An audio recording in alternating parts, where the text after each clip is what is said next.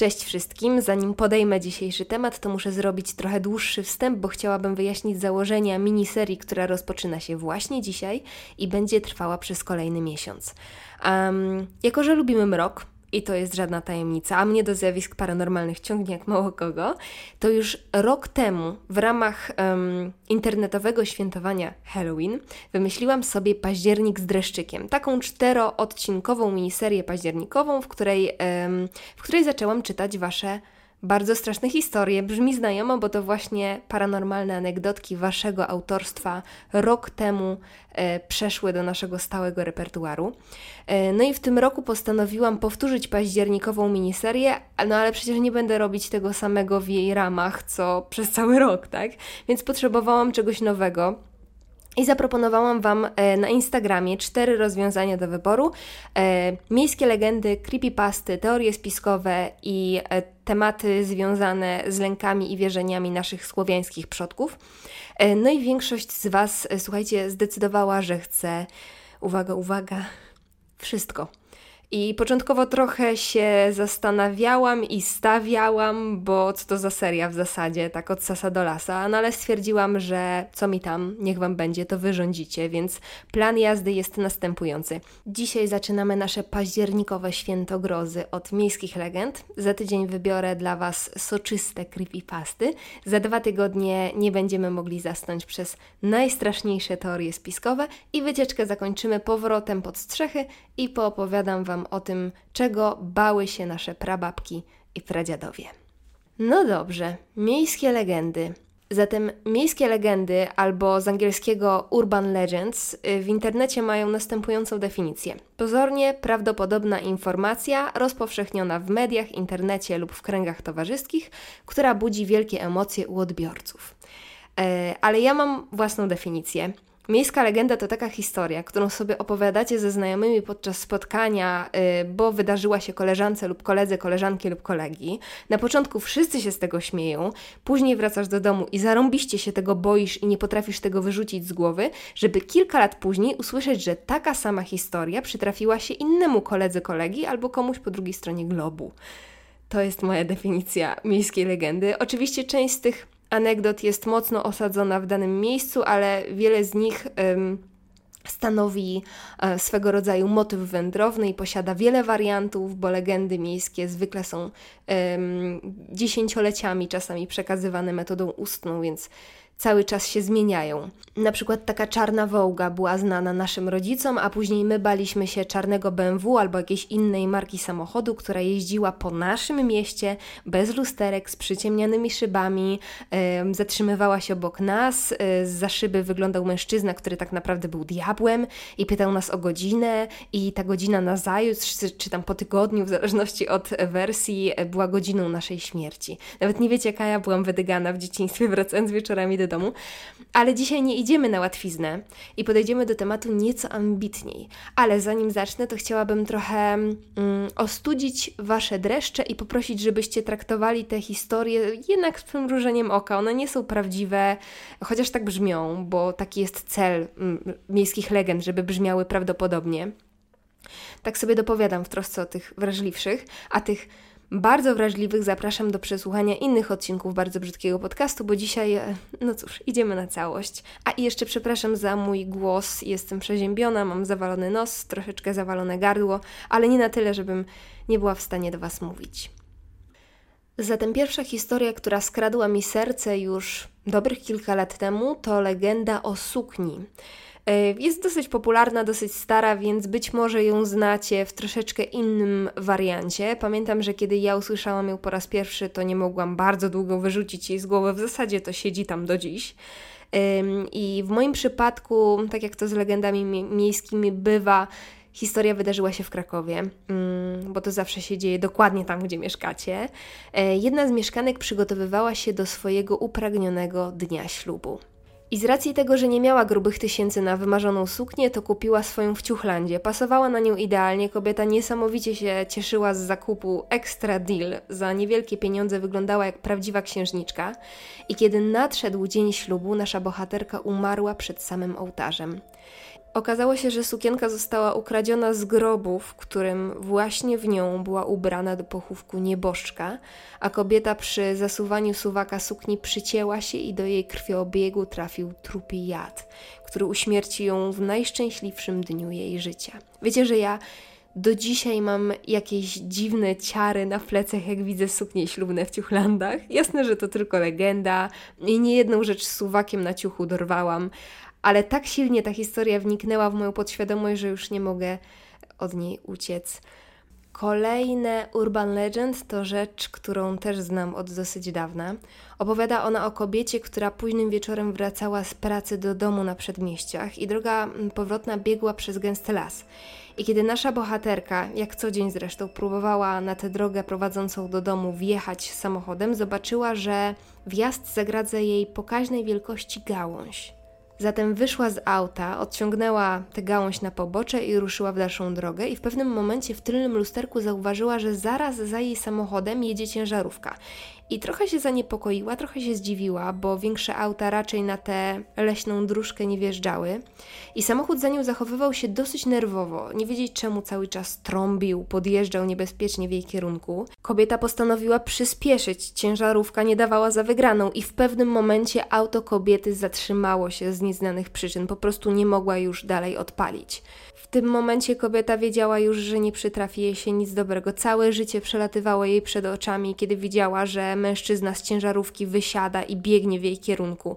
Więc niewiele myśląc, wybiegła z auta i zaczęła uciekać, ale nagle usłyszała, że mężczyzna prosi, żeby zatrzymała się na chwilę i że nie ma złych zamiarów. Kierowca ciężarówki wyjaśnił, że obserwował jej auto, kiedy ta ściągała gałąź na pobocze, i wyobraźcie sobie, że w tym czasie do jej samochodu weszła jakaś postać i schowała się na tylnym siedzeniu. I kobieta kompletnie oczywiście nie chciała w to uwierzyć, ale kiedy otworzyła tylne drzwi, zobaczyła linkę i nóż. Po tajemniczym, niedoszłym mordercy nie było jednak śladu. I te historie wydaje mi się, że znam już w stu różnych wariantach, ale uważam, że ma w sobie szczyptę prawdy, bo słyszałam o realnych przypadkach, kiedy ktoś dostrzegał na poboczu gdzieś postać, która wyglądała jakby potrzebowała pomocy, kiedy wychodził jej na ratunek, to działy się różne złe rzeczy, głównie kradzieże auta, bo w krzakach czaili się koledzy po fachu tejże przydrożnej aktorki czy aktora. Z drugiej strony, gdyby tak bardzo wziąć sobie do serca morał tej historii, to czy ktokolwiek otrzymałby faktyczną pomoc na trasie? To też jest pytanie. Wszystko trzeba dzielić na pół i analizować wedle własnego uznania. A kolejną legendę, również leśną, opowiedział mi Marcin. I to jest taki jego trochę lokalny folklor. Otóż niedaleko mm, rodzinnej miejscowości Marcina rozciąga się las, który jest niesamowicie ciemny, nieważne czy w dzień, czy w nocy. I sam Marcin twierdzi, że za każdym razem, jak tamtędy jechał, a jechał niezliczoną ilość razy, to modlił się, żeby tylko jego auto się tam nie zatrzymało. A Marcin do lękliwych osób nie należy, a już na pewno nie do wierzących w jakieś tam, nie wiem, paranormalne trele morele. Po prostu panuje tam przerażająca atmosfera. Czasami niektóre miejsca po prostu tak mają, że mają taką dziwaczną energię. I kiedy Marcin mi o tym opowiadał, to sam zastanawiał się na głos, czy to przez to, że ten las jest tak gęsty, czy przez legendę, która temu miejscu towarzyszy. Otóż według niej w średniowieczu właśnie w tym odcinku lasu wieszano czarownicę. I do dzisiaj powtarza się, że jadąc przez las lepiej się nie zatrzymywać, Mm, a kiedy za oknem zobaczy się sylwetkę wiszącej na drzewie kobiety, to już się z niego nie wyjedzie. I od razu ja zepsułam Marcinowi ten tajemniczy klimat. Swoją drogą żałuję, że nie nagrałam, jak on opowiadał tę historię, bo mówił to, wiecie, takim konspiracyjnym tonem. Um, o czym mówiłam? Aha, że zepsułam atmosferę tej historii, bo zapytałam Marcina, skąd wiadomo, że się nie wyjedzie, kiedy się to zobaczy, skoro się nie wyjechało. E, ale tak to właśnie jest z miejskimi legendami, że nie zawsze trzymają się kupy po prostu. Podobnie jak kolejna historia, której jednak nie można odmówić uroku, więc postanowiłam Wam ją opowiedzieć. Mówi ona o tym, że pewnego razu matka podarowała swojej córce z okazji urodzin pierścionek, z którym nasza młoda bohaterka stała się nierozłączna, bardzo przypadł jej do gustu. I pewnego dnia matka wysłała dziewczynkę po zakupy spożywcze na obiad i czekała na nią 15 minut, pół godziny, wreszcie godzinę. Uznała, że pewnie jej córka gdzieś skręciła, nie wiem, może do koleżanki. E, no ale obiad czekać nie mógł, więc sama postanowiła zakupić niezbędne dla przygotowania obiadu składniki. E, I na liście było między innymi mielone mięso. I kobieta po zakupach wciąż nie dostając znaku życia od córki, postanowiła przygotować obiad i kiedy zaczęła wypakowywać mielone mięso, odkryła w nim pierścionek podarowany córce. Resztę możecie dopowiedzieć sobie sami. Motyw przerabiania ludzi na mięso i sprzedawania go mieszkańcom miast i miasteczek ma długą historię, sięgającą kilku wieków wstecz, więc mogliście słyszeć podobne anegdotki w niezliczonej ilości wariantów. A następna historia jest według mnie kwintesencją miejskich legend, właśnie takich, które słyszymy na przestrzeni lat w różnych wersjach, przeróżnych wersjach i które zawsze, ale to zawsze przytrafiają się koleżance, koleżanki, zawsze opowiadający idzie w zaparte, że ta historia miała miejsce dosłownie dwie przecznice dalej i na pewno wie, że to jest prawda. I moja wersja przytrafiła się oczywiście w Krakowie, bo y, w zasadzie wszystkie legendy, prawie wszystkie legendy, o których Wam dzisiaj y, poopowiadam, przytuliłam y, wraz z procentami na którejś z imprez na studiach. Mm, bo po alkoholu najlepiej się właśnie takie rzeczy przyjmuje. No i ta wydarzyła się właśnie w mieście Królów Polski, a dokładnie w klubie Cień. Nie wiem, czy to miejsce jeszcze istnieje, za czasów moich początków w Krakowie istniało. Owa kuzynka koleżanki koleżanki była tam na imprezie. No i cóż, Laska bardzo lubiła się bawić, nie myśleć o jutrze, więc szybko znalazła adoratora, z którym mm, wymieniła kilka soczystych pocałunków. E, rozochocony gość oczywiście chciał zaprosić ją do domu, ale ta odmówiła, bo była zmęczona, ze znajomymi gdzieś przyszła z całą paczką i generalnie nie chciało jej się wędrować na drugi dzień e, z drugiego końca miasta. Więc wymienili się telefonami, bo koleś wydawał się całkiem sympatyczny, i tu zaczyna się cała tajemnica. Otóż kuzynka koleżanki koleżanki odkryła następnego dnia, że dookoła jej ust pojawiła się naprawdę paskudnie wyglądająca wysypka. Niewiele myśląc, wybrała się z nią do lekarza i okazało się, że dolegliwość wywołał trupi jad. Przerażona dziewczyna zaczęła analizować miniony wieczór i kiedy połączyła fakty, Szybko skontaktowała się z policją, cóż innego miała zrobić. Policjanci namierzyli mieszkanie chłopaka po numerze telefonu i okazało się, że przetrzymywał w nim zwłoki młodych imprezowiczek, z którymi bardzo lubił spędzać wspólne wieczory. Tak jak wspominałam, większość historii to moja własna kolekcja miejskich legend, imprezowych miejskich legend, e, ale teraz coś nowego, wygrzebanego z internetu. Historia jest dosyć hardkorowa, ale cały ten odcinek jest odrobinkę gorowy, więc jeżeli jeszcze ze mną jesteście, to nie powinno zrobić to na Was większego wrażenia. E, naszą główną bohaterką tym razem jest stewardesa, która pracowała na pokładzie samolotu jednej ze znanych linii lotniczych. I pewnego dnia na pokładzie pojawiła się rodzina wracająca z wakacji. Młode, uśmiechnięte małżeństwo i malutkie, śpiące dziecko na ich rękach. Mijały kolejne godziny lotu, większość pasażerów smacznie spała i nasza stewardesa postanowiła przejść się po pokładzie. I w pewnym momencie przyjrzała się wcześniej wspomnianej rodzinie. Cała trójka spała, jednak jej szczególną uwagę zwróciło dziecko, które było niesamowicie blade. Było w tym dziecku coś bardzo, bardzo niepokojącego. Kobieta postanowiła nie budzić rodziców, tylko delikatnie sprawdzić, czy z dzieckiem wszystko jest ok. I kiedy dotknęła jego skóry, okazało się, że jest lodowata. Wyciągnęła dziecko z krzesełka, zaniosła na tył samolotu i po zmierzeniu pulsu okazało się, że dziecko nie żyje a po otworzeniu jego brzucha okazało się, że zamiast wnętrzności znajdowały się w nim niezliczone ilości narkotyków, które para przemytników chciała przeszmuglować do innego państwa. Absolutnie niedorzeczna historia, bo kto otwiera brzuch dziecka bez wiedzy rodziców w kokpicie samolotu? No ale tak właśnie wyglądają miejskie legendy, a my spotykamy się tutaj głównie w celach rozrywkowych. Kolejną anegdotką jest rzecz, którą usłyszałam podróżując blablakarem z Krakowa do mojego rodzinnego miasta albo na odwrót. Para, która mnie wiozła, opowiadała historię, w której ich znajomy też przewoził kilka osób na blabla.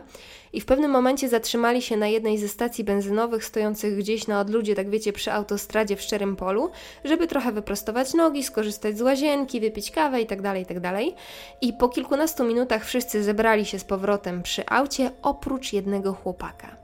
Reszta podróżujących naturalnie postanowiła na niego poczekać. Czekali tak 10, 20, 30, 45 minut. W końcu minęła godzina.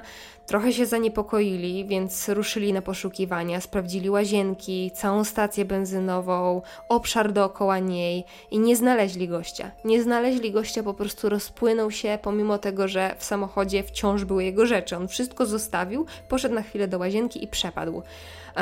I grupa zdecydowała, że porozmawiać z ekspedientami, przedstawi całą sytuację, zostawi rzeczy tego chłopaka, gdyby się znalazł i ruszy w dalszą trasę.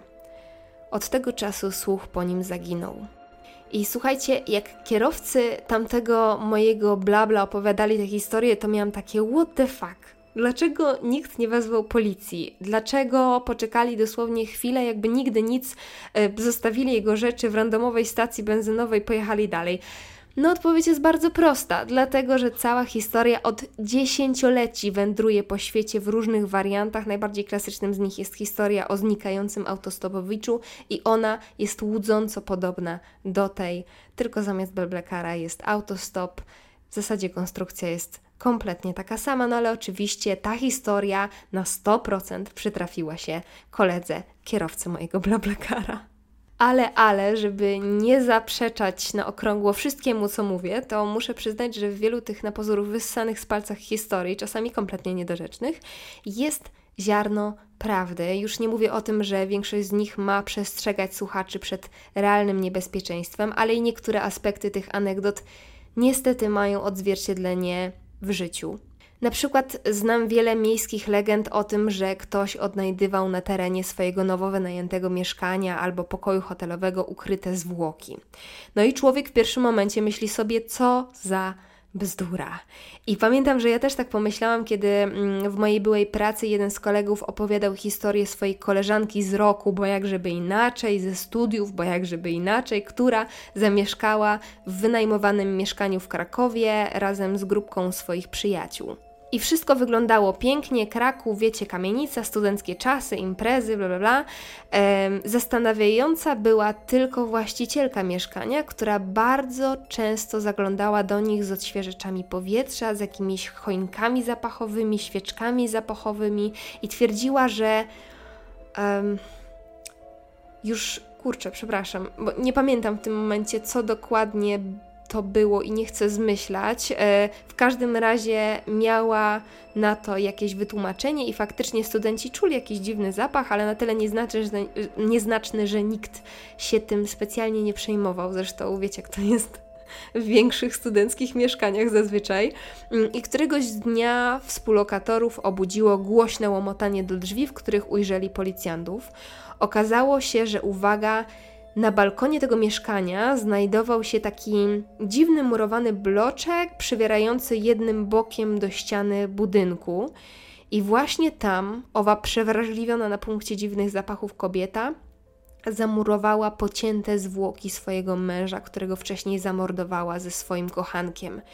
No i jak ten nasz kolega opowiadał tę historię, to oczywiście wszyscy trochę się pośmiali, trochę pokręcili głowami, bo myśleliśmy oczywiście, że kumpel uraczył nas właśnie jedną z tych słynnych miejskich legend. Mm, no i minęło kilka miesięcy. Ja w tym czasie trochę się wkręciłam w kryminalne podcasty i w jednym z nich, słuchajcie, usłyszałam dokładnie tę samą historię, opisaną dokładnie z imionami, całym szeregiem, szeregiem zdarzeń, który doprowadził do tego strasznego odkrycia. No i powiem Wam, że szczęka mi do butów opadła i dreszcz przebiegł po plecach. Jak mi się uda, to, to słuchowisko tutaj gdzieś na YouTubie Wam podlinkuję, ale nie obiecuję, bo kompletnie nie pamiętam, gdzie to usłyszałam, ale jak widzicie, mm, tak dziwaczna historia okazała się prawdą. Zatem wszystkie miejskie legendy być może nie są prawdziwe, ale w każdej z nich jednak tkwi ziarno prawdy, więc bądźmy czujni, kiedy ktoś postanowi zaprosić nas do siebie na noc, albo kupimy suknię ślubną w Ciuchlandzie. Nie no, z tym drugim to żartuję, ale z tym pierwszym absolutnie nie.